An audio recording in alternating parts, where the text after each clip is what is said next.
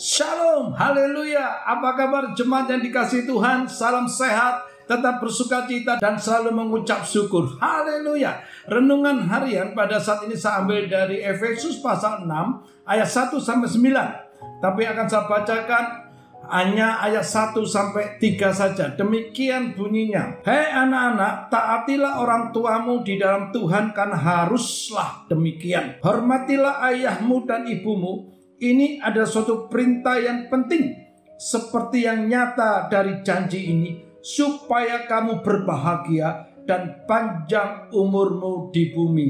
Amin.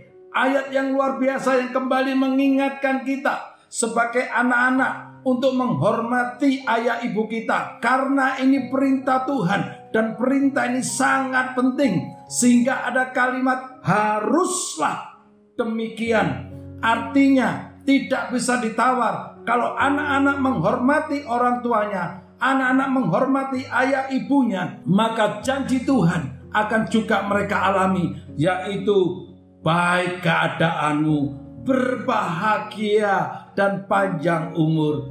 Diawali apa? Menghormati orang tua. Kalau menghormati orang tua berarti tidak juga berkata-kata kasar kepada orang tua, mentaati orang tua, karena orang tua pasti memberikan pengajaran yang baik untuk anak-anaknya. Ayo anak-anak, hormatilah orang tuamu. Dan kita sebagai orang tua juga bisa mengajar anak-anak, mendidik anak-anak kita untuk menghormati orang tua atau kita juga menjadi teladan karena kita juga menghormati orang tua kita maka anak-anak kita akan mencontoh keteladanan kita menghormati orang tua.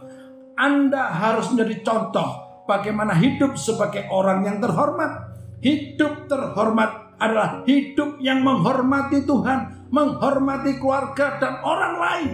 Jika ini terpancar dalam diri saudara, maka tidak begitu susah kalau kita mendidik anak-anak kita menghormati kita sebagai orang tua. Ayo kita sebagai orang tua memberikan keteladanan pada anak-anak kita bagaimana menghormati orang tua. Hei anak-anak, hormatilah ayah ibumu. Berkata-kata yang lembut, jangan kasar, yang santun kepada orang tuamu. Karena semuanya untuk kebaikanmu sendiri. Yesus memberkati. Haleluya. Amin.